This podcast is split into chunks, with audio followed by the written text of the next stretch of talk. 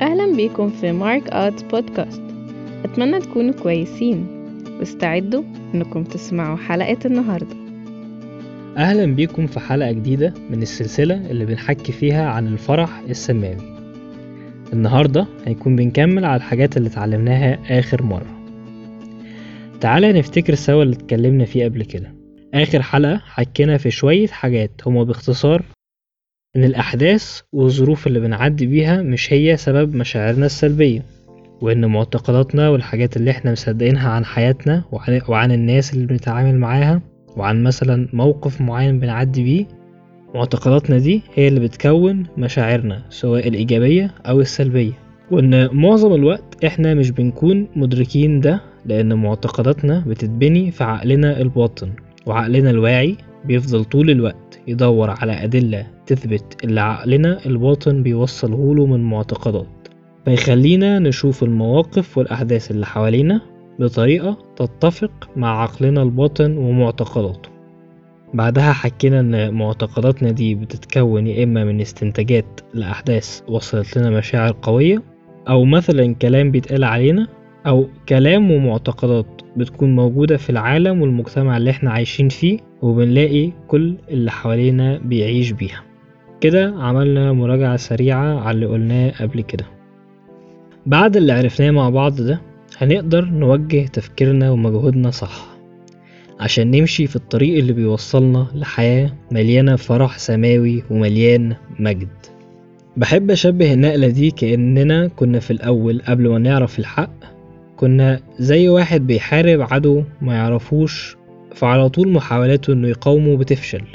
لأنه ما يعرفش عدوه ولا طرقه ولأن على طول بنحاربه غلط. لكن بعد ما خطط العدو بتتكشف وبتعرف أنت بتحارب مين بتقدر تفكر وتخطط وتتحرك في الاتجاه الصح. إبليس هو العدو اللي دايما عايز يسرق فرحنا. وفي رحلتنا دي هنتعلم نستبدل كذب إبليس بالحق. وهنتعلم نبني حصون حق. تقدر تخلينا نعيش حياتنا منتصرين. لكن مهم نعرف إن حياة الفرح والانتصار ما بتعرفش تعيشها غير وإنت ليك قائد. كورنثوس التانية الإصحاح التاني عدد 14 بيقول ولكن شكرا لله الذي يقودنا في موكب نصرته في المسيح كل حين. وبولس بيقول في غلاطي خمسة عدد 22 بعد ما قال قبلها اسلكوا بالروح وأما ثمر الروح فهو محبة فرح سلام طول أناة لطف صلاح إيمان وداعة تعفف. محتاج الله يقودك وروح الله يقودك علشان تعيش حياة النصرة عشان تختبر فرح وسلام ومحبة وثمر وبركات كتير في حياتك. ممكن تسمع السلسلة دي كلها وتقرأ كل الكتب عن الفرح وتحاول تطبق كل معلومة عرفتها وهتعرفها. لكن من غير ما روح الله يقودك مش هتقدر تختبر الفرح السماوي. الفرح السماوي اللي مليان نصرة اللي ربنا عايزك تعيشه.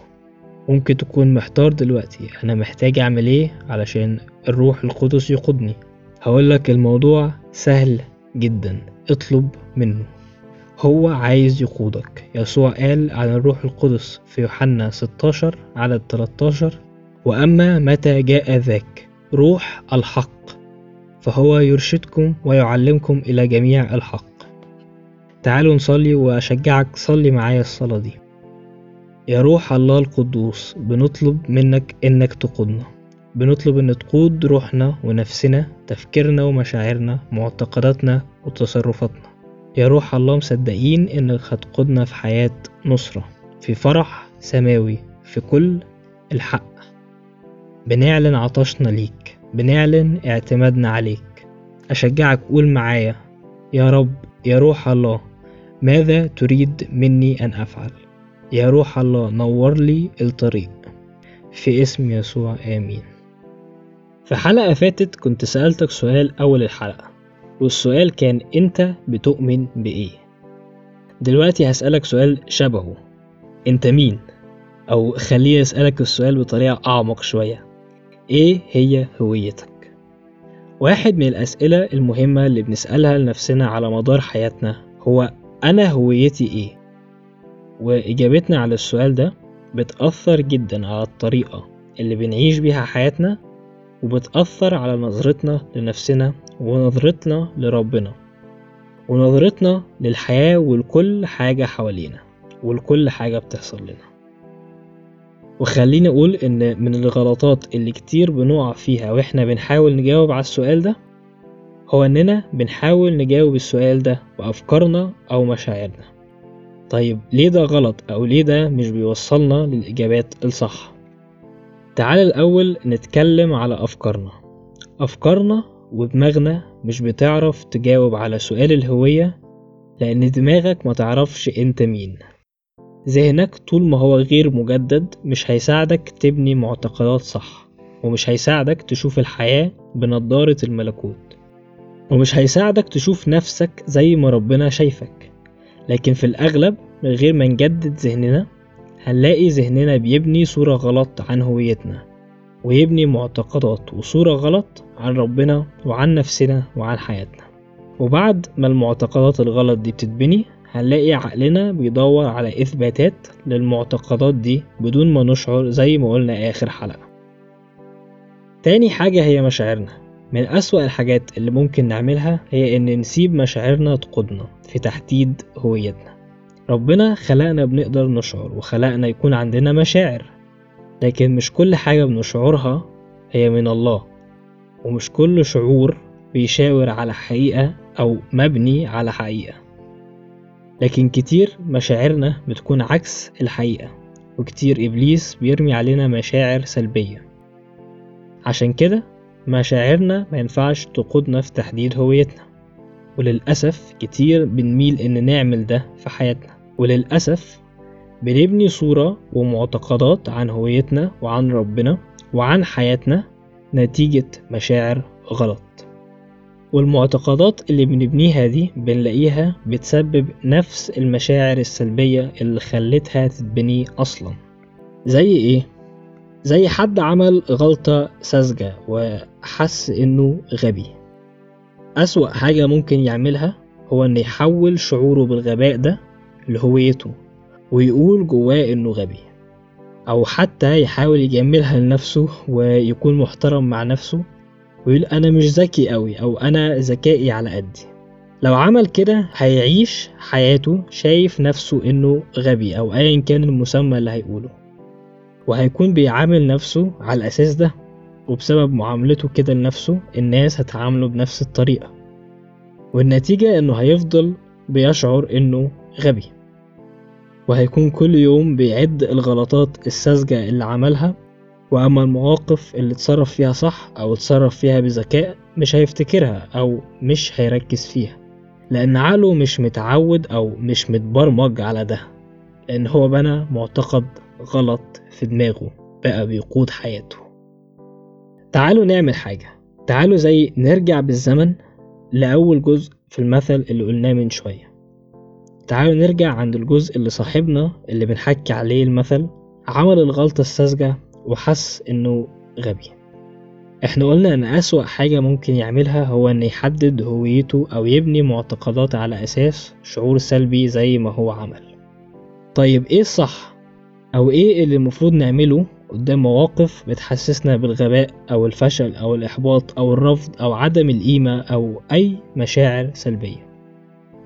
كتير من مشاعرنا السلبية هدفها تحذرنا من وجود معتقدات غلط في حياتنا أو من غياب معتقدات صح ومبنية على حق. فعشان نعرف نتعامل مع المواقف والمشاعر السلبية محتاجين نبني معتقدات صح مبنية على صورة صحيحة عن هويتنا ومبنية على صورة صحيحة عن ربنا وعن حياتنا. عشان نقدر نتعامل مع المواقف دي بطريقة صح. ده هيخلينا في موقف زي اللي حكيناه من شوية بدل ما يتحول لهوية غلط آه نقدر نقول أو يقدر يقول أنا شاعر إني غبي مثلا في الموقف ده لكن ده غلط ده كذب لأن دي مش هويتي لأن الله خلقني على صورته لأن أنا ليا فكر أو ذهن المسيح لأن روح الله بيملاني بإبداع معجزي ولأن الله بيديني أفكاره. وأنا أقدر أسأله عن أي حاجة وأقدر أسمع صوته. أعتقد دلوقتي وبعد كل اللي قلناه في الحلقة دي والحلقات اللي فاتت عرفنا قد إيه مهم نبني معتقدات صحيحة وحقيقية وقد إيه مهم إني أكون صورة صح عن نفسي وهويتي وأكون صورة صح عن ربنا وحياتي عشان أقدر أبني على أساسها معتقدات صح وعن طريق المعتقدات دي أقدر أشوف نفسي وحياتي بنضارة الملكوت. دلوقتي تعالوا نشوف إزاي نبني معتقدات صح. بعد ما عرفنا إن أفكارنا ومشاعرنا مش هما اللي هيساعدونا نعمل ده ومش هيساعدونا نعرف هويتنا يا ترى مين أكتر حد يعرفنا ويعرف هويتنا ويقدر يساعدنا نعرفها ونبني معتقدات صح على أساسها؟ أكتر حد يعرفك هو ربنا. أكتر حد بيحبك هو ربنا. أكتر حد مهتم بيك هو ربنا. أكتر حد عنده أفكار خير وفرح لحياتك هو ربنا. وهو أكتر حد هيساعدك تعرف هويتك وتبني معتقدات صح على أساسها. وهو أكتر حد هيساعدك تبني معتقدات حقيقية تخليك تختبر رجاء وفرح وسلام وكل صفات ملكوت السماء في حياتك. علشان كده أول وأهم خطوة تساعدك تبني معتقدات صح هي إنك تسأل ربنا عن هويتك وتسمع هيقولك إيه. اطلب منه يكلمك ويعرفك نفسك وهويتك واسأله عن المعتقدات الصح وعن إيه اللي أنت محتاج تصدقه وتآمن بيه عشان تختبر فرح سماوي. اسأله عن مواقف وظروف انت بتعدي بيها واعرف هو شايفها إزاي. اسأله على الحاجات اللي مخوفاك واعرف منه محتاج تصدق في إيه عشان تنتصر على الخوف. أشجعك صدق وآمن إن ربنا هيكلمك. صدق وآمن إن هو عايز يكلمك وإن أنت تقدر تسمع صوته. اهتم قوي باللي هيقولهولك وهيعلنهولك تأمل فيه واملأ إدراكك بيه. واكتبه. وارجع اقراه تاني. وخلي كلامه يملى عينيك وذهنك. كمان اطلب من روح الله إنه يقودك في قرايتك للكتاب المقدس. اطلب منه يقودك لإنك تعرف هويتك وتعرف وعوده ليك ولحياتك. واطلب منه ان يعلن لك حق السماء ويجدد ذهنك بالكلمة. واسأله كل مرة بتقرأ يا روح الله عايز تقولي إيه النهارده؟ عايز تعلمني إيه النهاردة؟ عايز تبني جوايا إيمان لإيه النهاردة؟ واستقبل من روح الله وخليه ينور لك على حاجات في الكتاب المقدس وخليه يعلن لك حقايق وخلي اللي هيعلنهولك ده يملأ إدراكك ويجدد ذهنك. بعد ما تعمل ده هتلاقي ربنا بيعلن لك حاجات كتير بطرق مختلفة. هتعرف أو خليني أقول هتدرك إنك ابن أو بنت لله وإن هو قابلك بالكامل. ودايما فاتح إيده ليك مهما عملت ومهما كانت الظروف اللي أنت فيها ومهما كانت الغلطات اللي أنت عملتها في حياتك. هتدرك إن الله أب صالح وبيحبك جدا. وإن كل خططه وأفكاره لحياتك خير وسلام. هتدرك إن ربنا بيخلي كل الأشياء تعمل معا لخيرك. وإن كل شر إبليس أو الناس حاولوا يعملوه فيك وفي حياتك الله بيحوله لخير لحياتك. حاجة كمان هتساعدنا نبني معتقدات تملانا بفرح هي إننا نملأ إدراكنا بالأعمال والمعجزات اللي ربنا عملها في حياتنا. كل حد فينا ربنا عمل معاه حاجات عظيمة ولما بنخلي إدراكنا مليان بالحاجات المعجزية اللي ربنا عملها معانا ده بيخلي ذهننا يتجدد وده بيخلي ذهننا يدرك إن إلهنا بيعمل معجزات علشاننا. فمهما كانت الظروف اللي بنعدي بيها نقدر نتأكد إنه بيهتم بينا. من أكتر الحاجات اللي بتفتحنا على أجواء السماء هي الشكر. فشجعك إنك تتعود تملى يومك شكر. وشجعك كل يوم اشكر ربنا على كل عمل صالح وكل خير وبركة في حياتك. اشكره على كل حاجة أنت شايف إيده فيها. في تدريب كنت قريته في كتاب بيتكلم عن الفرح. أشجعك إنك تكون بتعمله الوقت الجاي. اختار موقف شعرت فيه بحضور ربنا بقوة واقعد كل يوم فترة ولو صغيرة اتأمل في الموقف ده أو خلينا نقول المقابلة مع ربنا دي. ركز على مشاعرك اللي كانت وقت المقابلة دي. ممكن تكتب أو أشجعك اكتب وارجع للي أنت كتبته كل يوم في الفترة اللي بتعمل فيها التدريب ده. وخلي الكتابة اللي انت بتكتبها وبتقراها تاني تجدد ذهنك. أشجعك املى مخيلتك وعيون ذهنك بالمقابلة دي. فاكر أول حلقة لما اتكلمنا عن الشهادة وإن لما بنشارك اختباراتنا ده زي بيفتح باب للمعجزة إنها تحصل تاني؟ أنت تقدر تعمل ده في حياتك الشخصية. كل ما بتملى ذهنك ومخيلتك وإدراكك باللي ربنا عمله في حياتك بتتملي إيمان وثقة لأن ده يحصل تاني. وإيمانك ده بيخلي المعجزة دي تحصل تاني. من الحاجات اللي كتير بعملها كل مرة بكون متضايق إني برجع أقرأ الحاجات اللي ربنا عملها معايا أو الحاجات اللي سمعتها منه. ممكن يكون جزء من الكتاب المقدس أو ممكن يكون جملة قالها لي شخصيا. ممكن كمان يكون كلمة نبوية قالها لي عن طريق حد. ولما بعمل كده وبملى ذهني وبقعد أقرأ في الحاجات والاختبارات اللي عديت فيها مع ربنا بلاقي نفسيتي المحبطة أو اليأسة أو أيا كان الشعور السلبي اللي حاسه وقتها بلاقي نفسيتي قدرت تستقبل راحة من يسوع.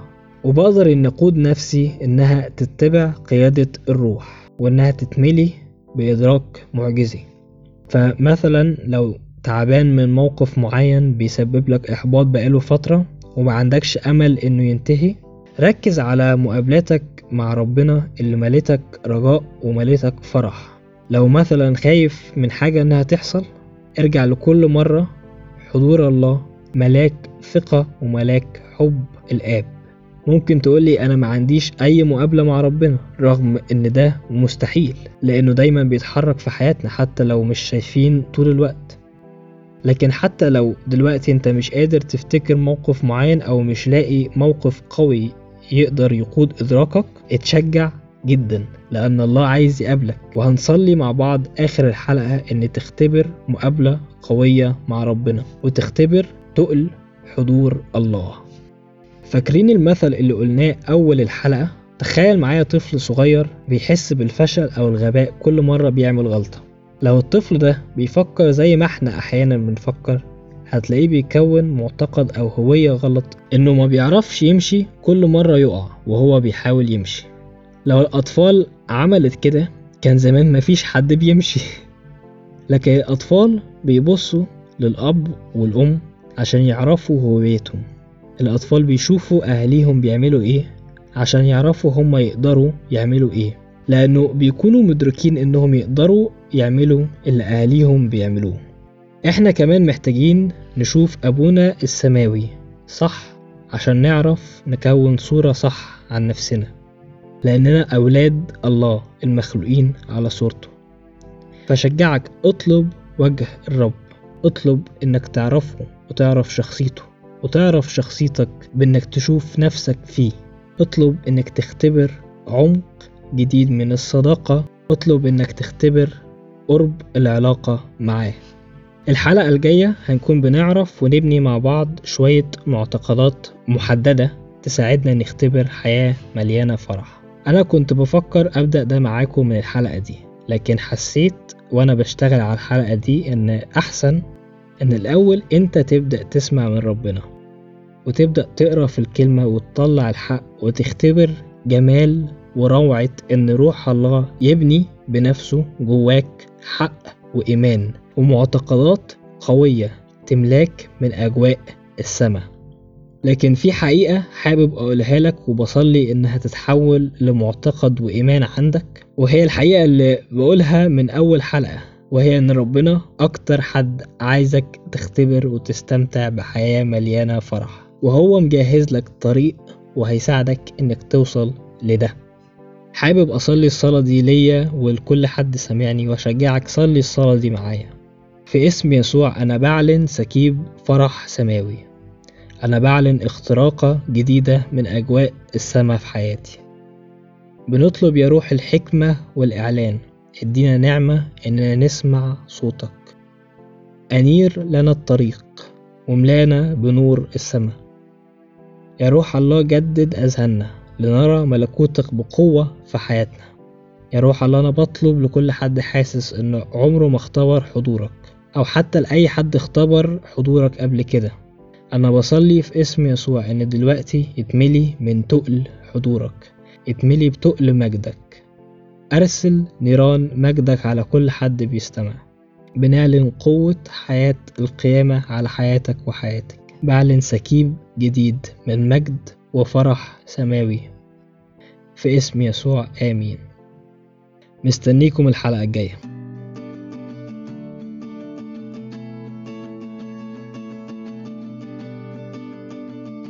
أتمنى تكون حلقة النهاردة عجبتكم.